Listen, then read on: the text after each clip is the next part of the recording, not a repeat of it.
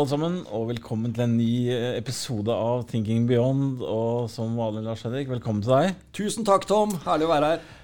Du, Det er nye tider, Lars Henrik. Jeg ser at denne gangen har du ikke bare med deg én telefon som du må skru av før sending. Her har du faktisk to denne gangen. Eh, litt vemodig dag, men det kommer vi inn på litt senere. Ja da, det er fordi det er et jobbskifte her, men det tar vi senere, Tom. Og eh, du trodde jeg skulle bli megler igjen, tenker jeg, for dette er sånn jeg holdt på for 15 år siden. Ja, men det det skal jeg ikke. Nei. Du, mm, vi hiver oss ut i, i vår siste sending og uh, lyst til å snakke om et punkt som jeg syns var veldig gøy å lese i media. At uh, vi har hatt noen runder om rundt dette med krypto og bitcoin etc. Litt morsomt å lese at uh, Øystein Spetalen stilte opp i en uh, podkast eller hva det var for noe, og sa at dette er jo bare tull og tøys. Um, I regi av ordet 'Thinking Beyond' så er jo vi på en måte Vår røde tråd er jo å prøve å tenke litt eh, nytt. Og da syns jeg at det er morsomt å se at det er smarte, flinke folk som Øystein eh, avfeier det som tull og tøys. Ja da, og eh, er det en som kan si det, så er det Øystein Spetalen. For han har jo vært en eh, Han er jo usedvanlig klok og dyktig mann og har fått til eh, langt mer enn de fleste kan drømme om. Så dette er ikke for å ta en sånn mening. Det beviser bare at det er, eh, det er viktig å tørre å ha meninger som kanskje går mot det helt etablerte. Og det er veldig enkelt i dag, og det er veldig enkelt, jeg forstår det godt, det, å være og, og latterliggjøre litt eh, krypto. For det er lite, det er lite håndfast. Og, eh, men det er det mange andre ting i historien som også har vært. Og det er liksom poenget litt med dette begrepet 'thinking beyond', da, som jeg innførte en gang da jeg var eh, megler. Eh, for liksom 10-15 år siden. Jeg skrev mine morgenmailer. Og det var liksom dette med straight talk og 'thinking beyond'. Det å tørre liksom å, å si OK, hva er hva, hvor, hvor, hvor, hvor, hvor, hvor, hvor, hvor stort kan noe bli som virker gærent i dag? Ikke sant? Og det er å tørre liksom å, å se konsekvenser av noe, eller noen enorme muligheter. Så dette er ikke for å, for, å, for, å, for å ta noen, men jeg har et annet syn på det. Og jeg har sagt at jeg har oppfordret til at man faktisk skal være veldig nysgjerrig på dette med, med, med, kryptovaluta. Og som vi da ofte snakker om, det er bitcoin vi snakker om. Den største bruker den som, et, som en som, hva skal vi si, den valutaen, den, den kryptovalutaen vi snakker om, i og med at den er så desidert størst og mest omtalt. Mm. Og eh, da har jeg sagt at eh, jeg har stilt spørsmålstegn ved om det faktisk heller er den, den, den dagens eh, monetære økonomi, altså den økonomien vi lever i i dag med myntligere og sedler, altså en valuta som strengt tatt ikke bærer noe verdi i seg selv. altså En tusenlapp har ikke noe verdi, den har noen øre i papirverdi. Og en mynt har jo heller ikke, det er noe dårlig metall, mm. så den har ikke noe verdi. Og det er det jeg har satt opp mot uh, før i tiden, hvor du hadde reelle gullmynter og sølvmynter og slike ting. Mm. Eller enda lenger tilbake, hvor jeg snakket om disse slepne halskjedene som kom fra havskjell. Mm. Som hadde, da var det nedlagt et arbeid, derfor hadde det en verdi. Og gull og sølvmynter hadde en verdi. Og, uh, og diamanter har en verdi.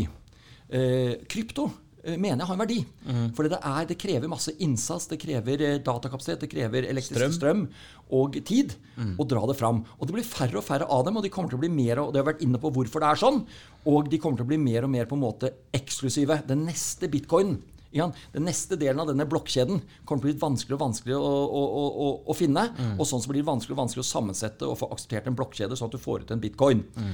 Og det er derfor jeg reflekterer over det at kanskje da har jo noe en verdi. Mm. Når det er slik. Akkurat som diamant. Diamant i seg selv er jo et totalt uinteressant produkt. Det er et, det er et, det er et karbonprodukt i seg selv. Det er, det, det er, noe av det det finnes mest av i, i, i, i jordskorpen og, og, nedover. Da ligger det under veldig stort trykk. Og så er det blitt på en måte sånn samleobjekt. Mm. Spesielt de fineste diamantene. Og det er sånn desto dyrere det blir, Eh, desto mer har prisen eh, etterspørselen økt. Mm. Da er du inne på dette med Giffen-godet som jeg har sagt om. ikke sant? Mm. Det strider mot vanlig tankesett at desto dyrere blir det, desto flere vil ha det. Sånn er det med kunst òg litt. Mm. Og Det er derfor jeg tenker at dette her med bitcoin eller altså krypto er litt av det samme der. altså Det, er, det har en kostnad å ta det fram. Og det blir verre og verre. Det blir færre og færre av dem. Og Derfor sier jeg man skal være nysgjerrig på dette her. Mm. Men kanskje hviler det også like mye på at jeg, litt, jeg er litt tvilende til hvordan dette monetære systemet vi holder på med i dag, skal fungere fremover. Når vi ser sentralbanker som bare printer penger, gjeldsbjerget blir større og større, og man klarer jo nesten ikke å rede for hvordan de noen gang skal betjene den gjelda som ligger på landenivåer. Og det er poenget mitt. Og jeg synes det er veldig gode poenger. For at sånn som jeg ser, ser på det, er at liksom, sånn, gull er på det, det, er ikke, det er ikke en fast og gitt verdi. Men uh, det, det, kommer ikke mye tilbud uh, av gull. Og samme er det med bitcoin. Det er på en måte en litt gitt uh, 21 millioner bitcoins. Ja, Gull har jo bare på en måte en, en, Bare ta det gull først, har jo bare en verdi hvis plutselig det blir tilgjengelig som gråstein. Like lett å finne. Så vil jo verdien falle, selv om det er relativt stor etterspørsel til både samling, eh, investering og til industrielt bruk. Mm, mm. Men, men det, sånn, det, har noe med tilgangen, og derfor sier jeg at det er en sammenheng. Liksom, hvordan er etterspørselen, og hvordan er tilgangen? Mm. Og det er med bitcoin sier vi at etterspørselen kan være alt annet like, da, hvis den er det samme, men tilbudet blir bare trangere og trangere, og verre og mm. verre og dyrere og dyrere å finne. Mm. Da sier jeg da skal isolert sett prisen kunne gå opp. Mm. Uansett om det er galskap å samle på bitcoins eller på diamanter. Ja, som jeg sier, Diamanter er jo egentlig bare noe sampresset mm. karbon over lang tid. Det er poenget mitt.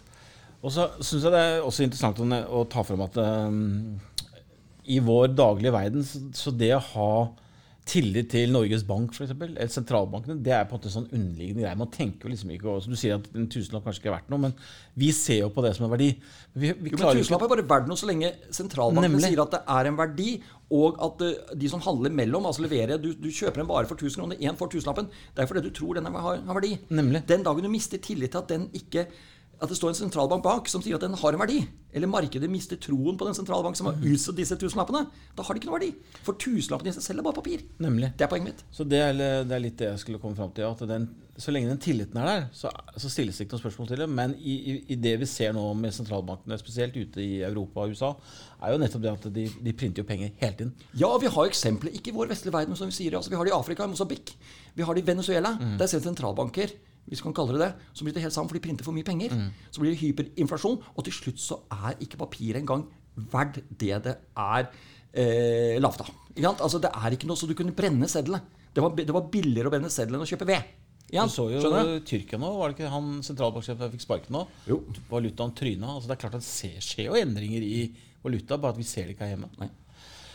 Veldig bra. Lars-Erik. Eh, liten greie på det. Du, vi skal tusle Under finanskrisen, bare for å ta det vi så, det du så med islandske kronen Altså hvordan når du viser disse islandske bankene De var blitt altfor store i forhold til kall det Islands økonomi eller bruttonasjonalprodukt. Mm. Og da så vi egentlig hvor mye en valuta kan falle når først tilliten, betalingsviljen, eller eh, tilliten til den sentralbanken forsvinner. Jeg tror islandske kroner falt til med rundt 70, 70 mm. ja, i forbindelse med, og så har de jobbet seg veldig bra tilbake. Et fantastisk folk.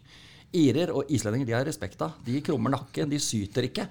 Og de bygger seg opp igjen. Og det er helt fantastisk. Her er mange som kunne lære av det. Altså. Men det er fantastisk å se hvordan de små landene kommer seg ut av krisene sine. Og Island etter finanskrisen er fantastisk å se. Nå er de helt oppe igjen. Men uh, for å avslutte det poenget er nettopp dette de, store endringene som man kanskje ikke ser for seg i dag, da, som du sier, de, de kommer jo. Du har jo selv vært uh, å gi deg en liten lissepassing på det, Lars Henrik. Du var jo en av de som varslet store endringer i oljebransjen med skiferolje. Mange fnyste av det òg. Ja, eh, og det har vi snakket om før. I 2012 eh, da gjorde jeg, dro jeg bort på fieldtrip sammen med min eh, kollega Halvor Strand Nygaard. Vi tok med noen få kunder. Det var ikke så mange som ville. Og når vi kom hjem tilbake derfra i mai 2012, så skjønte vi at dette kommer til å endre oljeverden. Tilbudssiden. Og det tilbudssiden, er til de mm. grader. og vi annonserte at det, det, det, er ikke så veldig mange årene til dette skjer, for det kommer til å vokse så kraftig fort nå. Og vi kalte inn til seminar, husker jeg, alt mulig sånne ting, og da hadde det dukket opp 60-70 stykker bare på få dager. Og det var nok en del som fikk seg de, de, En del trodde litt på det, en del trodde at dette er ikke mulig. De ble litt sånn skremt. Mm. skremte litt. Eh, deilig, alle prestasjoner foreligger, analysene foreligger, og to år senere så strakk det jo ordentlig oljemarkedet. Og det har ikke blitt det samme siden. Nei. Så det er det poenget mitt, da. Eh, det går på at man må, man må, være nysgjerrig på det litt sånn utenkelige. Mm -hmm. Og derfor må man være nysgjerrig på også liksom sprekke vår monetære økonomi en gang. Mm. Pga. at gjelda har blitt for stor. Det er ubehagelig å tenke det. Mm. Og hva skjer da, liksom? Men det var også ubehagelig å tenke den gang i 2012 at oljeprisen skal knekke. Den skal kanskje ikke være nord av 100, men den skal heller være under 50. Mm. Hva skjer da med norsk økonomi og norsk utbygging av Barentshavet? Det var mange som ikke ville tenke den tanken der. For det var så kostbart å tenke det. Mm. ikke sant? Så har det gått ålreit, da. Men det er blitt en litt ny verden. Spesielt for oilservice-selskapene så er det blitt veldig ny verden. For mm. det var ikke så kult å drive med dette med ultradyptvann, harsh eh, drilling lenger. Så de enhetene ble det mange av. Mm. Når vi nå allerede mm, har nevnt ordet sentralbanken, så er det kanskje naturlig å vri temaet bitte litt over på ting vi har sagt om før. Men det har vært eh, et rentemøte annet i Norges Bank. Eh, det er jo mye, som, mye diskusjoner rundt renten om dagen. Ja, veldig.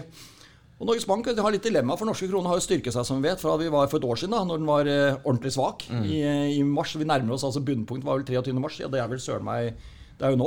Ja, I dag, var- faktisk. I dag. Er Det er i går. 13 Det var jo, det var jo der eh, bunne, børsene globalt bunna ut. Mm. Ikke sant? Da skulle vi kjøpe aksjer. Og så har du hatt altså, en av historiens sterkeste ettårsoppganger. Så det var bra vi kom inn på det temaet nå. For ser vi da det året, det er jo det som oppgaven, i hvert fall det bunnpunktet fram til der vi er i dag, er jo et av de sterkeste ettårsutviklingene man noen gang har sett. Så det er, eh, Og det samme da med renta. altså Nå er det et spørsmål Norsk styrker seg. Hva kan eh, norske sentralbanken gjøre med renta? De varsler jo nå at det kommer rentestigning, og det kommer, det kommer tidligere enn man tidligere trodde. Ved forrige rentemøte så snakket de om at det skulle komme kanskje første gang. De antyder kanskje på, første, eller på mars- marsmøtet i 2022. Nå antydes det at vi kanskje kan få en eh, første rentestigning i desembermøtet i 2021, altså i år. Og, eh, men så er det dette dilemmaet da, hvor sterk kan kronen bli. Det, det er ulempen med sterk krone i og med at Norge har en eksportdreven økonomi. Blant annet, ikke sant? Og da er det noe med konkurransekraften hvis krona blir for sterk. Ikke sant? Da, da demper det eller ødelegger litt konkurransekraften til norsk eksportrettet konkurranseutsatt industri. Så her må vi skjele til de andre landene òg. Der er jo amerikansk sentralbanken ute og antyder fortsatt at det skal ikke skje noe på rentenivå før i 2023. Tidligst, ikke sant? Så de er en annen. Ikke sant? De skal holde lavt lenge. Så her er eh, krigen nå. Men i mellomtiden, da, utenom de sentralbankene, så ser vi hva markedet gjør. Og markedet priser opp den lange renta. For det de begynner å se nå, er at så lenge sentralbanken holder sin rente lav, altså den korte renta, så vil det, desto lenger de gjør det, desto mer inflasjonspress kan det bygge seg inn i økonomien. Og derfor begynner man nå å sende de lange rentene opp, som er jo en Lage rente består egentlig av en forventning rundt inflasjon og en økonomisk vekst. Det er summen av det som ligger. Og når inflasjonsforventningen går opp fordi man holder lav rente eller kort rente lav for lenge, så er det det markedet vedder på. Så nå er den amerikanske, det jeg kaller verdens største renteinstrument, det er tiåringen i USA. Den er nå tilbake på samme nivå hvor vi var akkurat før det knakk eh, ved utgangen av februar i fjor. Ca. 1,6-1,65 mm. Og så vet jeg at den tiåringen den raste jo helt ned i 0,5 i løpet av kort tid, i mars-april. Og så lå den lenge der, 05-06, helt fram til august i fjor. Og så dro den opp. Men den var ikke mer enn 0,9 ved årsslutt, altså inngangen til i år. Og nå er den altså 1,65. Har vært oppe i ca. 1,75 i løpet av måneden. men falt litt tilbake. Så vi ser jo det nå at liksom, nå går jo, hvis langrenta går opp, så går Nasdaq litt ned. Og går langrenta litt ned, så går Nasdaq litt opp. Og sånn går det jo dagene nå i, nå i mars. Så det er veldig følsomt nå rundt dette med renteforventningene. Nemlig, er og, veldig- og bare si, det kan altså, Dette med renter er bra. Sist gang rente knakk markedet litt, det var jo fjerde kvartal 2018, som vi har sagt om før. Da, jo, da, var tiåringen på et høyere nivå. Den gikk da opp fra 2,4% til ca. 3,2 i forkant av fjerde kvartal i 2018. Og så kom eh, de korte rentene og begynte sentralbanken i USA begynte å heve de litt. Og da reagerte markedet negativt og sa at dette tolererer vi ikke. Og så sendte man kraftig, aksjemarkedet kraftig ned. Men det som gikk opp da Alle søkte over i tiåringen og kjøpte den. Og eh, derfor var det at eh, renta på tiåringen falt igjen gjennom fjerde kvartal. Obligasjonskursene steg, altså verdiene, kursgevinstene på å eie tiåringen økte. Man tjente flere prosent i løpet av det kvartalet på å eie det. Eh, altså i obligasjoner som var linket mot det, mens aksjemarkedet stupte. Så vi ser det kommer til et punkt hvor vi kan se at tiåringen rett og slett blir for høy, samtidig som sentralbanken etter hvert begynner å heve, og så reagerer markedet med å gå inn i et stup. Som vi så i fjerde kvartal. Og det er det man nå liksom, eh, tenker litt av når vi ser noen kvartaler fremover. Hva skjer? Hvor lenge tillater aksjemarkedet at tiåringen bl.a. går oppover før den reagerer? Nemlig. Veldig bra. Um, vi har lyst til å gå inn på et annet tema. Vi har snakket en del om dette med nye noteringer. Vi har snakket om grønt, eh, vi har snakket om ESG. Det har vært nye noteringer left and right egentlig, gjennom, hele, gjennom en lang periode nå. Men det jeg begynner å ta og føle på, som jeg har lyst til å snakke litt med deg om, Lars Henrik, det er at eh, jeg syns og føler på at vi begynner å nærme oss et bitte lite skjæringspunkt. Vi, jeg leser flere noteringer som går litt tregere. Det, jeg, virker som at appetitten er noe mer svekket da, enn på en stund rundt disse nye, nysatsingene innen eh, ESG og grønt. Ja, det er åpenbart. Eh, og hvis vi sammenligner med hvordan det var i fjor høst, fra sånn sensommeren og ut året, var det helt vilt. Helt vilt. Alt som ble notert, fløy.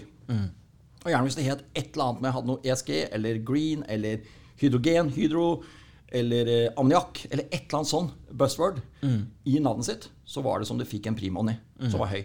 Alle ville ha det. Ja, det var sånn massesuggesjon. Og det ble nok en sånn ukritisk eh, analyse den gang. Og det var mer, og det ble, var et voldsomt moment, så det tiltrakk seg en del investorer som rett og slett bare kjøpte fordi de trodde at nei, jeg kjøper. Fordi det er liksom i 9 av 10 eller 99 av 100 tilfeller så klarer jeg å ta gevinst. Så det ble sånn en åpenbar sak. da. Og så sprekker den litt. Så blir det litt sånn mettet. Så begynner noen case å gå litt dårlig, og man avdekker noen case at kanskje de var ikke like bra som man trodde. Og eh, vi har hatt noen sånne eksempler. Og noen case har falt ganske mye tilbake igjen fra topp. De var helt sykt prisa. Vi har flere case som er ned 30-50% fra topp. Everfuel, for eksempel. Det er bare ett eksempel. Det er, det er flere. Quantafuel. Ikke er, Det er, det er som er ned. altså om ikke halvert, så iallfall 30-40% ned fra topp. Så det er, og det er veldig mange som kjøpte sine første aksjer på disse høye kursnivåene. Som går inn på emisjoner og sånne ting der. Så opplevelsen er kanskje det begynner å bli flere og flere som ikke har en sånn fantastisk opplevelse av disse casene. er sånn. Fra at vi var i fjor at alle tjente penger, til nå er det en del som kom inn på emisjoner i forbindelse med børsnæring, og så er det ned. Aker har et sinn med dette, med dette clean hydrogen, ikke sant?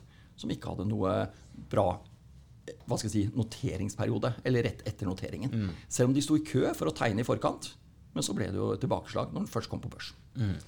Så her er det, det, er, det er blitt mye mer nyansert, så man skal passe på. Jeg vet at du ikke er så veldig glad i å diskutere eh, enkeltaksjer, Lars Henrik, men du nevnte et bitte lite ord her, og det kom inn på dette med kvantafyll. og eh, da har jeg lyst til å bare ta et lite sidepoeng. at eh, Det var en artikkel i media her nå forrige uke hvor det ble poengtert med CEO Kjetil Bøhn at det hadde nærmest kun vært innsidesalg det siste året i Kvantafyll. Mm. Så kan han gjerne gjemme seg bak og si at eh, eh, kurven har blitt for stor og bla, bla, bla. Men det er noe med hva man gjør, uh, sier og gjør. Ja, det er, eh, det, er, eh, det er Over tid må det være sammenhenger. Det har noe med troverdighet, hva man sier og hva man gjør. Så står man og snakker et, et selskap eller en case eller en aksje litt sånn indirekte opp, så kan man ikke fortsette i lengden med å, med å selge det. Eh, Nå kjenner ikke jeg til akkurat innholdet i den artikkelen du refererer til, så det er, eh, men det er, eh, det er et poeng som er viden kjent, at det er mange som driver og, og, og snakker noe opp, men så gjør de noe annet. Og det, Det var ikke, og ikke noe, det var, det var, poenget mitt var egentlig ikke å, å henge ut kvantafil på noen måte. Det var mer det at man, man ser at det, at, det er, at det er en sammenheng med at det er en del innsidesalg i disse aksjene ja. innen det segmentet. Og det er veldig spennende det du sier der, for det er mange som hadde altså seks eller tolv måneders binding, og det var veldig mange selskaper som ble lagt ut i fjor høst. Og det er veldig spennende nå fra i annet kvartal, så kommer en del av de og får egentlig hvor, eh, hvor bindingsperioder og slik er ferdig. Så da blir det spennende å se hva store aksjonærer og eh, ledere, ledere gjør. Eh, Når de får mulighet til eventuelt å selge igjen. Så det blir veldig spennende å følge med på det på en del sånn av de selskapene som ble notert på børsen i fjor høst. Du, en liten morsom poeng med det. Husker du den Nails-saken? Ja. De hadde jo ett års binding med Carnegie der, og så pumpa gutta ut aksjer etter ti måneder. På 8-9 kroner, tror jeg. Men uh, det viste seg å være veldig feil etterkant. For den gikk jo til 25 eller 30 eller hva Ja, der var det feil. Men det, det der var en stygg sak, Ja syns ja, jeg. ja da. Men de solgte, de hadde jo da fått den gått fra 3 kroner opp til 8-9, så de har gjort sine 200% Men det er klart, eh, de der 9 kronene er jo noen og 20 i dag. De, de, de, fikk dårlig, de, 35. fikk, fikk dårlig tid. Ja. Skulle hadde egentlig noe, par måneder igjen. Men uh, uansett. Du um, Ja, vi nærmer oss uh, slutten, Lars Eng. Litt vemodig. Siste episode. Er det sånn at uh, det er på med redningsvesten og ut på havet nå? Eller fortell litt, da. Hva, hva som skjer nå fremover? Ja, Det som skjer, Tom, er at jeg skal jo bli eh, leder for det som heter eh, Integrated Wind Solutions, et eh, selskap. Det er faktisk nå, nå er det, det er gjennomført en emisjon. Det er søkt og godkjent en børsnotering, så første noteringsdag blir altså i morgen, torsdag. Så dette blir spennende, og jeg er formelt leder for det selskapet fra 1. april. Men det har jo opptatt meg en del de siste ukene her. Så det er utrolig spennende. Dette er vindservice. Eh, altså offshore vindservice-markedet, det kommer til å være i voldsom vekst. For å si på den måten, er litt enkelt at hvis EU, når vi står om 20-30 år og ser oss tilbake, og hvis EU har lykkes med sin sånn eh, grønne plan med dette zero emission eh, i 2050 eh, hvis, den er, eh, denne, hvis denne Green Deal har lykkes, så må det ha blitt mange havvindturbiner. Og da har vi med vårt havvindserviceselskap hvis vi ikke har dummet oss helt ut, så har vi blitt et ganske stort selskap og har gjort bra business på det. Så det er, eh, hvis, vi, hvis eh, EU har lykkes, så har vi også fått et bra marked, og da har vi også lykkes. Så det blir en spennende reise, og den starter nå. Og den kommer til å ha voldsom vekst de neste årene etter hvert som det kommer nå akselererende mange havvindturbiner. Også i Norge etter hvert. Så det er spennende. Veldig bra. Og du Tom, du er også dit. Du, har, dette har jo ikke vi snakket litt om. Jeg har jo begynt med noe nytt og spennende, jeg også. Siden jeg begynte nesten jobbet døgnet rundt med siden september, noe som heter padeltennis. Som er litt i vinden i media om dagen, med Måseider og litt konkurrent. Så vi, blir, vi er, Måseider er basically en konkurrent av oss innen det segmentet her. Men vi er, eller jeg da, som daglig leder for det, skal sette opp eh, i min, sånn som vi tror det blir, kanskje Nordens råeste padelsenter på Økeren. Eh, så kom dere inn på nordpad.no. Ser du er i gang, Tom. Du er en skygge av deg selv. Du har gått ned, gått ned mange kilo. Fått av meg seks kilo siden nyttår. Men eh, vemodig nok, så kjære lyttere, så skilles våre veier denne gangen for Tenke Beyond. Så får vi jo se hva fremtiden vil bringe, og så håper jeg vel at vi høres igjen i en annen anledning, alle sammen. Aldri si aldri, Tom. Lykke til. Fint. I like måte. Vi snakkes. Ha det. Takk for oss.